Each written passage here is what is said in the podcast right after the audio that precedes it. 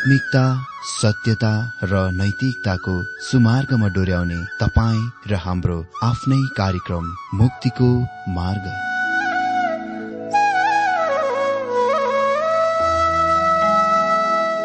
आदरणीय श्रोता यस मुक्तिको मार्ग कार्यक्रममा हार्दिक स्वागत छ। आशा छ यस आत्मिक कार्यक्रमद्वारा जीवनमा आत्मिक आशिष अलौकिक शान्ति र आनन्द प्राप्त गर्नुहुनेछ। र जीवनमा धन्य अनुभव गर्नुहुनेछ। आउनुहोस् श्रोता मन र आत्माको तयारीको लागि यो मिठो अनि मधुर भजन गीत सुनौ।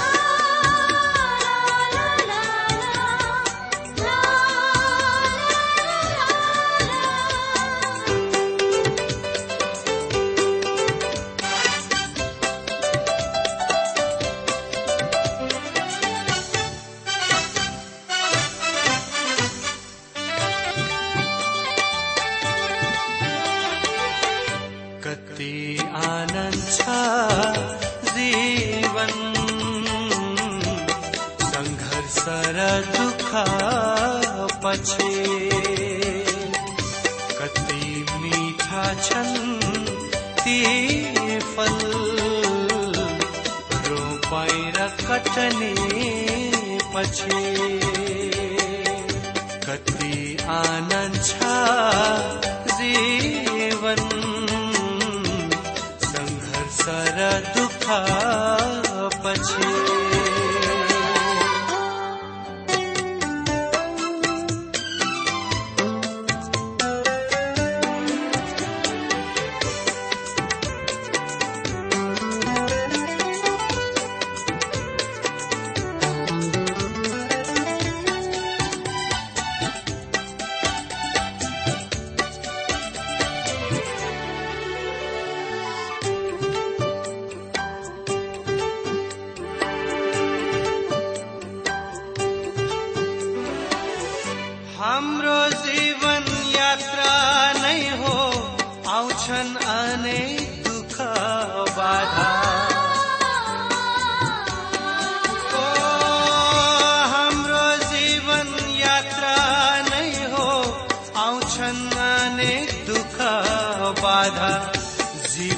हाम्रो पानी जस्तै हुन्छ अनेक ठक्कर यहाँ।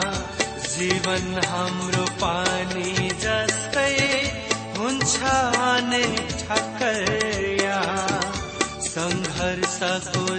जीवन जिउनु नै ख्रिस्टीय जीवन हो। सङ्घर्षको जीवन जिउनु नै ख्रिस्टीय जीवन हो। कति आनन्द छ जीवन। सङ्घर्ष र दुःख पछि छन् ती फल। रोपाइ र कटनी पछि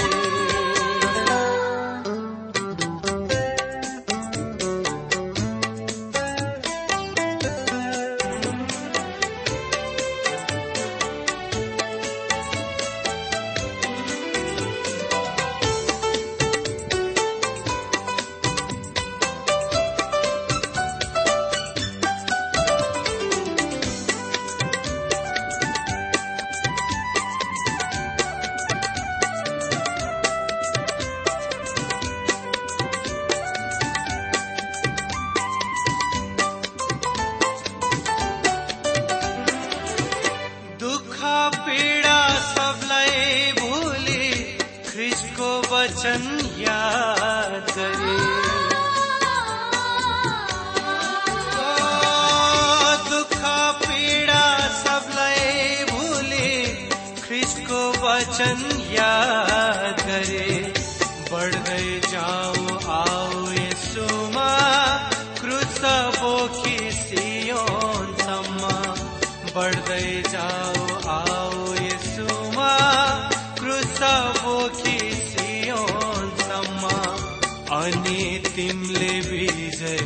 पाउने छौ।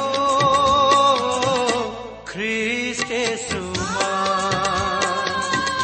अनि तिमीले विजय पाउने छौ। ख्रिस्टेसुमा कति आनन्द छ।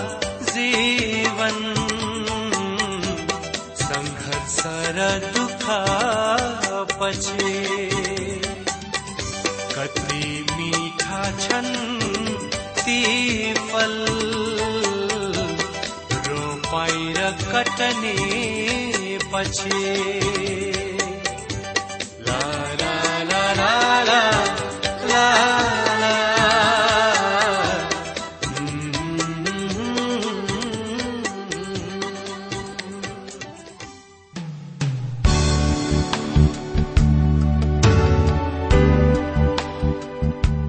श्रोता यो प्रसारण मार्फत यो अवगत गराउन चाहन्छौ कि प्रभुको सेवाको लागि यहाँहरूको साझेदारी नित्यन्त आवश्यकता छ।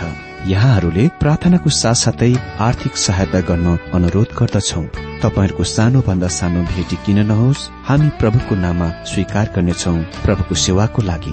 तपाईँहरूको यो सानो लगानीले कसैको जीवनमा भिन्नता ल्याउँछ अनि प्रभुको महिमा हुन्छ। प्रभु तपाईँहरूलाई महान गरी आशिष दिनुहुनेछ।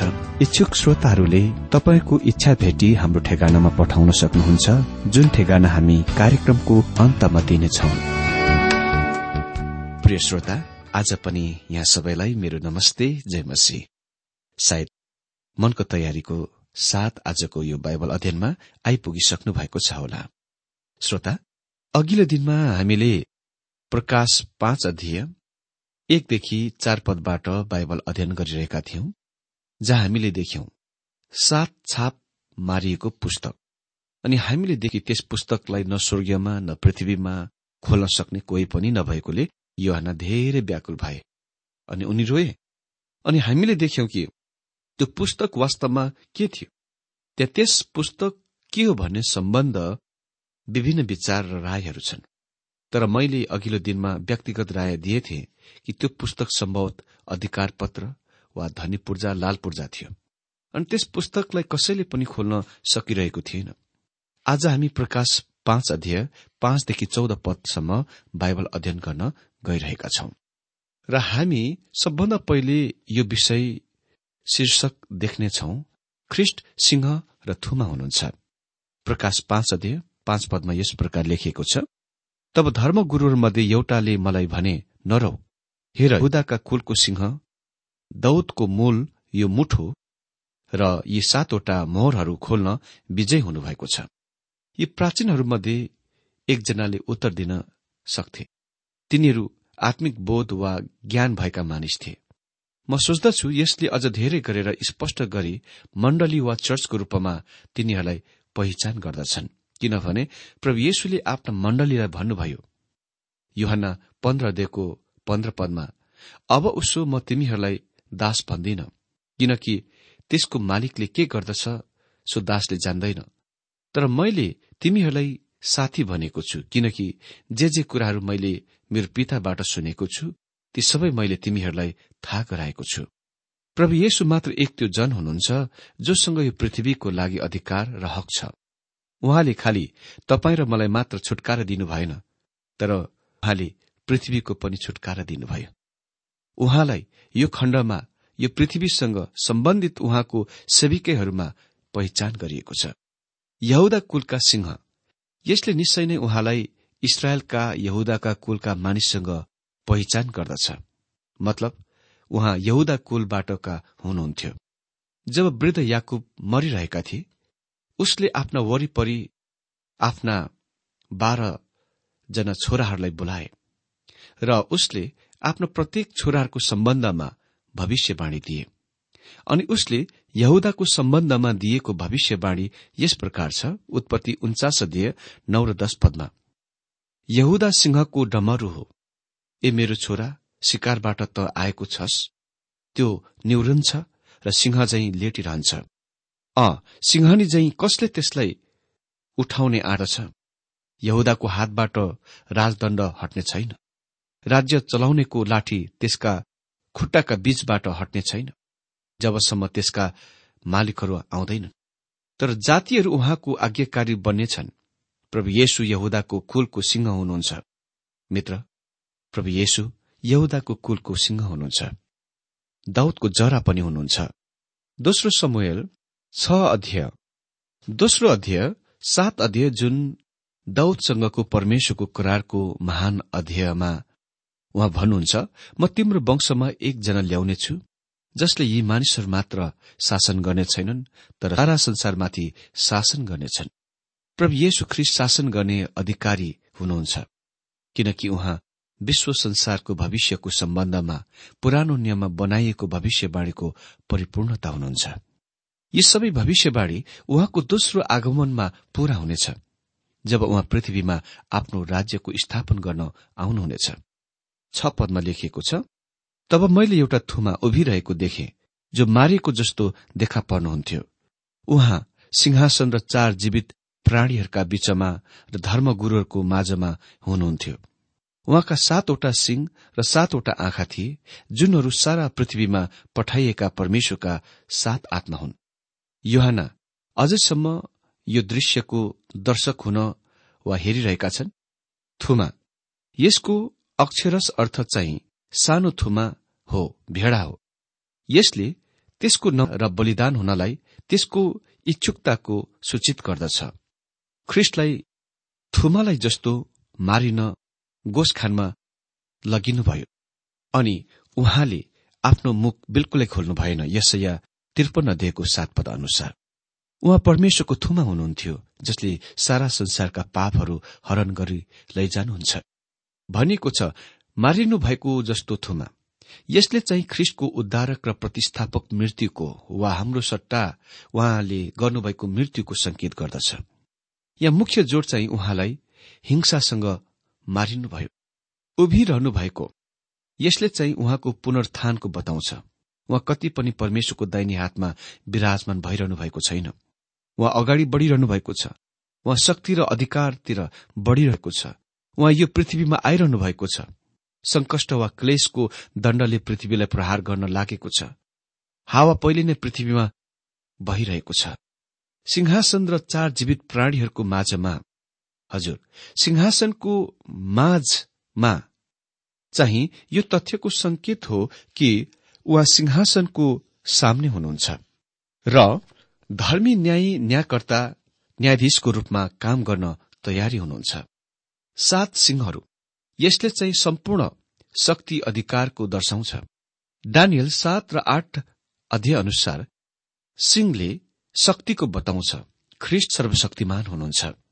सात आँखाहरूले पूर्ण ज्ञानको दर्शाउँछ। ख्रिष्ट सर्वज्ञानी हुनुहुन्छ। उहाँ आत्माको पूर्णतामा बढ्नुहुन्छ जो ज्ञान र बुद्धिको आत्मा हुनुहुन्छ। प्रभु येशु ख्रिष्ट सिंह र थुमा हुनुहुन्छ। सिंहको चरित्रले विशेषताले उहाँको दोस्रो आगमनको चरित्र चित्रण गर्दछ। थुमाको चरित्र वा विशेषताले उहाँको पहिलो आगमनको दर्शाउँथ्यो। सिंह चाहिँ उहाँको ऐश्वर्यको प्रतीक हो। थुमा चाहिँ उहाँको नम्रताको प्रतीक हो। सिंहको रूपमा उनी उहाँ सर्वभाव सत्ता हुनुहुन्छ र थुमाको रूपमा उहाँ उद्धारकर्ता हुनुहुन्छ। सिंहको रूपमा उहाँ न्याय गर्ने हुनुहुन्छ। सिंहको रूपमा उहाँ न्यायकर्ता हुनुहुन्छ। सिंहको रूपमा उहाँ न्यायाधीश हुनुहुन्छ। थुमाको रूपमा उहाँलाई दण्डित गरिनु भएको छ। सिंहासनले परमेशको सरकारको प्रतिनिधित्व गर्दछ। थुमाले परमेश्वरको अनुग्रहको प्रतिनिधित्व गर्दछ। सात पद। उहाँ जानुभयो र सिंहासनमा विराजमान हुनुहुनेको दाइने बाहुलीबाट त्यो मुठो लिनुभयो। लिनुभयो? को सही अनुवाद हो? लिनुभएको छ। प्रभु येशु ख्रिष्ट महाक्लिस अवधिमा भएर सिंहासनतिर बढ़िरहनु भएको छ। धार्मिकतामा शासन गर्नुभन्दा पहिले उहाँले संसारलाई न्याय गर्नुहुन्छ। वा कति पनि मण्डलीको लागि अन्तर्विन्ती चढाउने अब हुनुहुन्न किनकि मण्डली अहिले स्वर्गीयमा उहाँसँग छ। वा न्यायाधीशको रूपमा काम गर्न आरम्भ गरिरहनु भएको छ। यहाँ हलचल चाहिँ महत्वपूर्ण हो। आठ पदमा लेखिएको छ जब उहाँले त्यो मुठो लिनुभयो तब ती चारै जीवित प्राणी र चौबिसै धर्मगुरूहरू थुमाको सामुन्ने घोप्नु परे। प्रत्येकको हातमा बीडा र धूपले भरेका सुनका पात्राहरू थिए जो सन्तहरूका प्रार्थना हुन्। मित्र यहाँ लेखिएको छ अनि जब उहाँले त्यो पुस्तक लिनुभयो यसले चाहिँ पूर्ण गरिएको क्रियाको दर्शाउँछ। यो सारा सृष्टिको सबभन्दा ठूलो हलचल हो र प्रभु येशुले कार्यभार सम्हाल्नुहुन्छ यो कुराको ध्यान दिनुहोस्। चार जीवित प्राणीहरू र चौबिस प्राणीहरूद्वारा थुमाको आराधना। बीड़ाहरूले स्तुति प्रशंसाको सूचित गर्दछ। प्राचीनहरू बीड़ाहरू ती प्राचीन धर्मगुरूहरू बीड़ाहरू बजाउँदैनन्। तिनीहरू खालि परमेश्वरलाई स्तुति प्रशंसाका चिनो संकेत हुन्। चौबिस प्राचीनहरू धर्मगुरूहरू पुजारीहरू जस्तै अभिनय गर्दछन् कामकाज गर्छन्। खालि मण्डली चर्च मात्र स्वर्गीयमा विश्वासीहरूको पुजारित्व हो। डाक्टर कार्लले आकर्षक विचारको दिन्छन् कि युहाना सत्रमा विश्वासीहरूको लागि ख्रिष्टको प्रार्थना प्राचीनहरूमा वा धर्मगुरूहरूमा उत्तर दिइएको छ। त्यहाँ हाम्रा प्रभुको प्रार्थना यो थियो कि तिनीहरूले उहाँलाई चिन्न सकुन् जान्न सकुन् र तिनीहरू उहाँसँग हुन सकुन् र तिनीहरूले उहाँको महिमा देख्न सकुन्। यो कुरा वा कथन चाहिँ स्वर्गीयमा प्राचीनहरूको धर्मगुरूहरूको यो दृश्यमा उत्तर दिइएको छ। धूपले भरेको सुनको कचौरो। हजुर यिनीहरूलाई सन्तहरूका वा पवित्र जनहरूको उत्तरको रूपमा पहिचान गरिएको छ। अनि प्रत्यक्ष रूपमा यसले ख्रिसको बधन शरीरको प्रतिनिधित्व गर्छ जुनलाई मण्डली चर्च पनि भनिन्छ। र तिनीहरू पुजारीहरू हुन्। नौ र दश पद। तिनीहरूले यसो भन्दै एउटा नयाँ गीत गाए। तपाई यो चर्मपत्रको मुठो लिने र त्यसका मोहरहरू तोड्ने योग्यको हुनुहुन्छ तपाई मारिनुभयो र आफ्नो रगतद्वारा तपाईँले परमेश्वरको निम्ति हरेक कुल भाषा मानिस र जातिबाट मानिसहरूलाई छुटकारा दिनुभयो। र तिनीहरूलाई राज्य र हाम्रा परमेश्वरका पुजारी बनाउनु भएको छ र तिनीहरूले पृथ्वीमा राज्य गर्नेछन्। यहाँ उल्लेखित सर्वनाम उनीहरूले दुवै जीवित प्राणीहरू र प्राचीन धर्मगुरूहरूको संकेत गर्दछन् जसले यो गीत गाउँछन्। स्तुति प्रशंसामा स्वर्गीय दूतगणहरू पनि मण्डलीलाई साथ दिन्छन्। यो स्तुति प्रशंसा थुमालाई निर्दिष्ट गरिएको छ जसले पुस्तक खोल्नु भएको थियो। उहाँलाई अहिले सबै युगमा जातिहरूमा मानिसहरूका उद्धारकर्ता छुटकारा दिनेको रूपमा स्तुति प्रशंसा गरिन्दछ। स्वर्गीयमा सर्वप्रथममा म गाउन गइरहेको छु। म यहाँ कहिले पनि गाउन सकेको छैन। मसँग गाउने कुनै वरदान छैन। तर म त्यस स्तुति प्रशंसाको गीतमा भाग लिनेछु र म उहाँको निम्ति स्तुति प्रशंसा गाउन गइरहेको छु एक दिन भनिएको छ नयाँ गीत चाहिँ छुटकाराको गीत हो। पुरानो गीत चाहिँ सृष्टिको गीत हो। अयुबको पुस्तकमा हामीलाई भनिएको छ कि परमेश्वरका पुत्रहरूले गाए। तिनीहरू गाइरहेका थिए किनभने परमेश्वर सृष्टिकर्ता हुनुहुन्थ्यो। तिनीहरूले परमेश्वरको बारेमा वास्तवमा केही पनि जानेका थिएनन्। अहिले हामी उद्धारकर्ताको बारेमा गीत गाउन सक्छौ जसले हामीलाई प्रेम गर्नुहुन्छ र जसले हाम्रो लागि आफै स्वयंलाई दिनुभयो। ओ यहाँ हामीसँग को तस्विर छ? योग्य। यसले चाहिँ प्रकट गर्दछ कि उहाँले अहिले स्तुति प्रशंसा र आराधनाको सम्पूर्ण क्षितिजको भर्नुहुन्छ उहाँलाई आराधना स्तुति प्रशंसा गरिन्दछ र उहाँ मात्र सारा स्तुति प्रशंसा र आराधनाको योग्य पात्र हुनुहुन्छ। हामीलाई परमेश्वरको निम्ति किनेर छुट्याउनु भएको छ। हजुर तिनीहरू स्वर्गीयमा उहाँले बगाउनु भएको रगतको बारेमा गाउँछन्।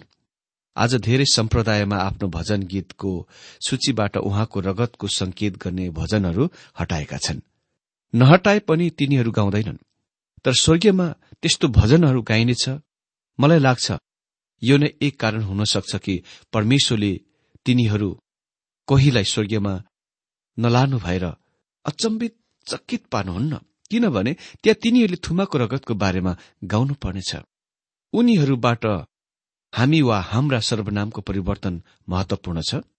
तिनीहरू पृथ्वीमा अझै बचाइएको वा उद्धार पाउनेको व्यक्तिको लागि थुमालाई स्तुति प्रशंसा गरिरहेका छन्। यो महाक्लेशका सन्तहरू वा पवित्र जनहरू राजाहरू र पुजारीहरूले चाहिँ क्लेशकालका सन्तहरू वा पवित्र जनहरूका संकेत गर्दछन्। मण्डली पृथ्वीमा शासन गर्ने छैन तर पृथ्वीमाथि। त्यसपछि हामी देख्नेछौ ठूलो संख्यामा स्वर्गीयदूतहरू त्यस गीतमा साथ दिन्छन्। एघार र बाह्र पदमा भनिएको छ तब मैले हेरे अनि सिंहासनमा जीवित प्राणीहरू र धर्मगुरूहरूका वरिपरि धेरै स्वर्गीय दूतहरूका आवाज सुने। तिनीहरूको संख्या लाखौं र करोड़ौं थियो। तिनीहरू चर्को स्वरले यसो भनिरहेका थिए मारेथुमा सामर्थ्य भैव बुद्धि शक्ति सम्मान महिमा र स्तुति ग्रहण गर्ने योग्यका हुनुहुन्छ।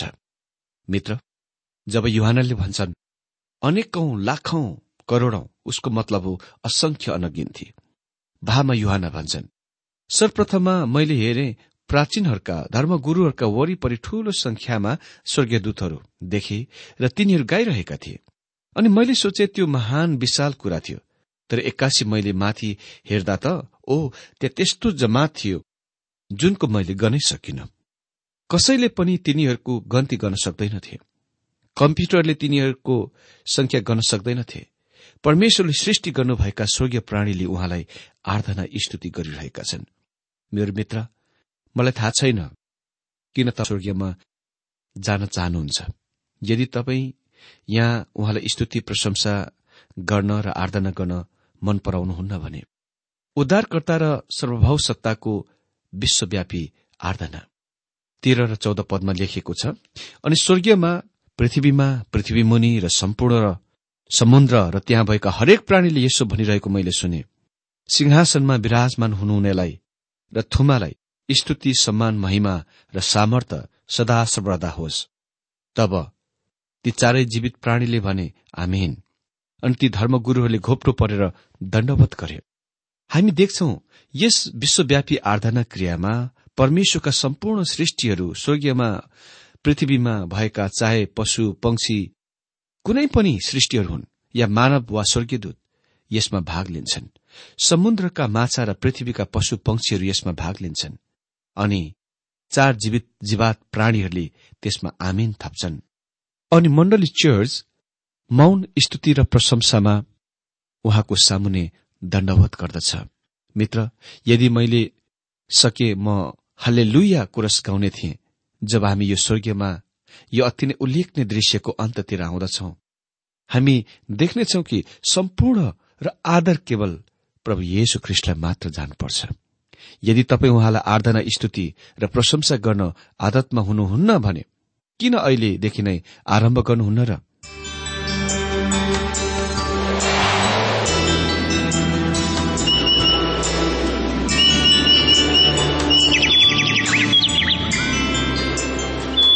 प्रिय श्रोता अहिले भर्खरै तपाईँले टीडब्ल्यूआर नेपालद्वारा सञ्चालित आत्मिक कार्यक्रम मुक्तिको मार्ग सुनिरहनु भएको थियो। श्रोता आजको यो कार्यक्रम सुनेर तपाईँलाई कस्तो लाग्यो? यदि यो कार्यक्रम सुनेर मनमा कुनै खुल्दुली वा कुनै प्रतिक्रिया अर्थात सुझावहरू छन् भने हामीलाई पत्रद्वारा लेख्न सक्नुहुनेछ। हामी हृदयदेखि नै स्वागत गर्नेछौ स्वीकार गर्नेछौ साथै बाइबल सम्बन्धित प्रचारहरू कार्यक्रम सारणीहरू हामी अनुरोधमा पठाउन सक्छौ। अनि तपाईँसँग कुनै प्रार्थनाको विषय छन् भने हामीले तपाईँको लागि प्रार्थना गरेको चाहनुहुन्छ। भने प्रभुमा आफ्नै परिवार सम्झेर हामीलाई पत्रमा लेख्न सक्नुहुनेछ। तपाईँको लागि हामी प्रभु येशुसँग प्रार्थना गर्नेछौ। अधिक जानकारी र पत्रचारको लागि हाम्रो ठेगाना यस प्रकार छ। कार्यक्रम मुक्तिको मार्ग जीपीओ नम्बर उनानब्बे पचहत्तर एपीसी पच्चिस एकसठी काठमाडौँ। ठेगाना एकपल्ट सुन्नुहोला। कार्यक्रम मुक्तिको मार्ग जीपीओ नम्बर उनानब्बे पचहत्तर एपीसी पच्चिस एकसठी काठमाडौँ। हाम्रो इमेल एड्रेस हो TWR Nepal at Yahoo dot com साथै यस नम्बरमा एसएमएस गर्न सक्नुहुनेछ अन्ठानब्बे चार सत्तरी पैतिस छ सय उनासी नौ आठ चार सात जिरो तीन पाँच छ सात नौ। हुन्छ श्रोता आजलाई हामी विदा चाहन्छौ। अर्को कार्यक्रममा हामी पुनः भेट्नेछौ तबसम्मलाई नमस्कार। जीवन बाँच्नु भन्दा नबाँचेकै जाति। विगतलाई फर्की हेर्दा चर्किदिन्छ छाती। विगतलाई फर्की हेर्दा चर्किदिन्छ छाती। त्यस्तो जीवन बाँच्नु भन्दा नबाँचेकै जाति। विगतलाई फर्की हेर्दा चर्किदिन्छ छाती। विगतलाई फर्की हेर्दा चर्किदिन्छ छाती। त्यस्तो जीवन हो।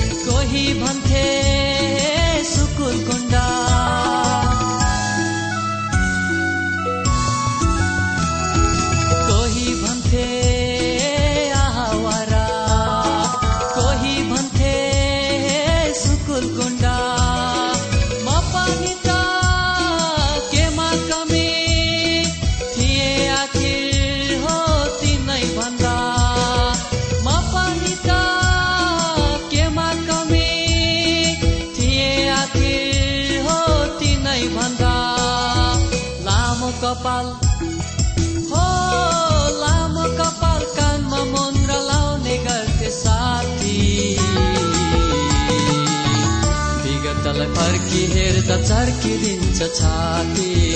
विगतलाई फर्की हेर्दा चर्किदिन्छ छाती। त्यस्तो जीवन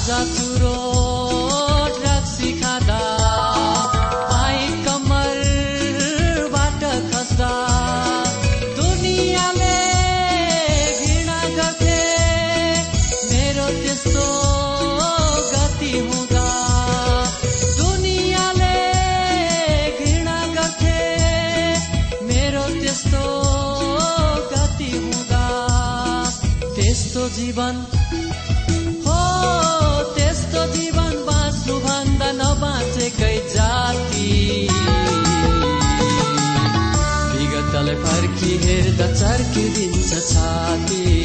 विगतलाई फर्की हेर्दा चर्किदिन्छ छाती। त्यस्तो जीवन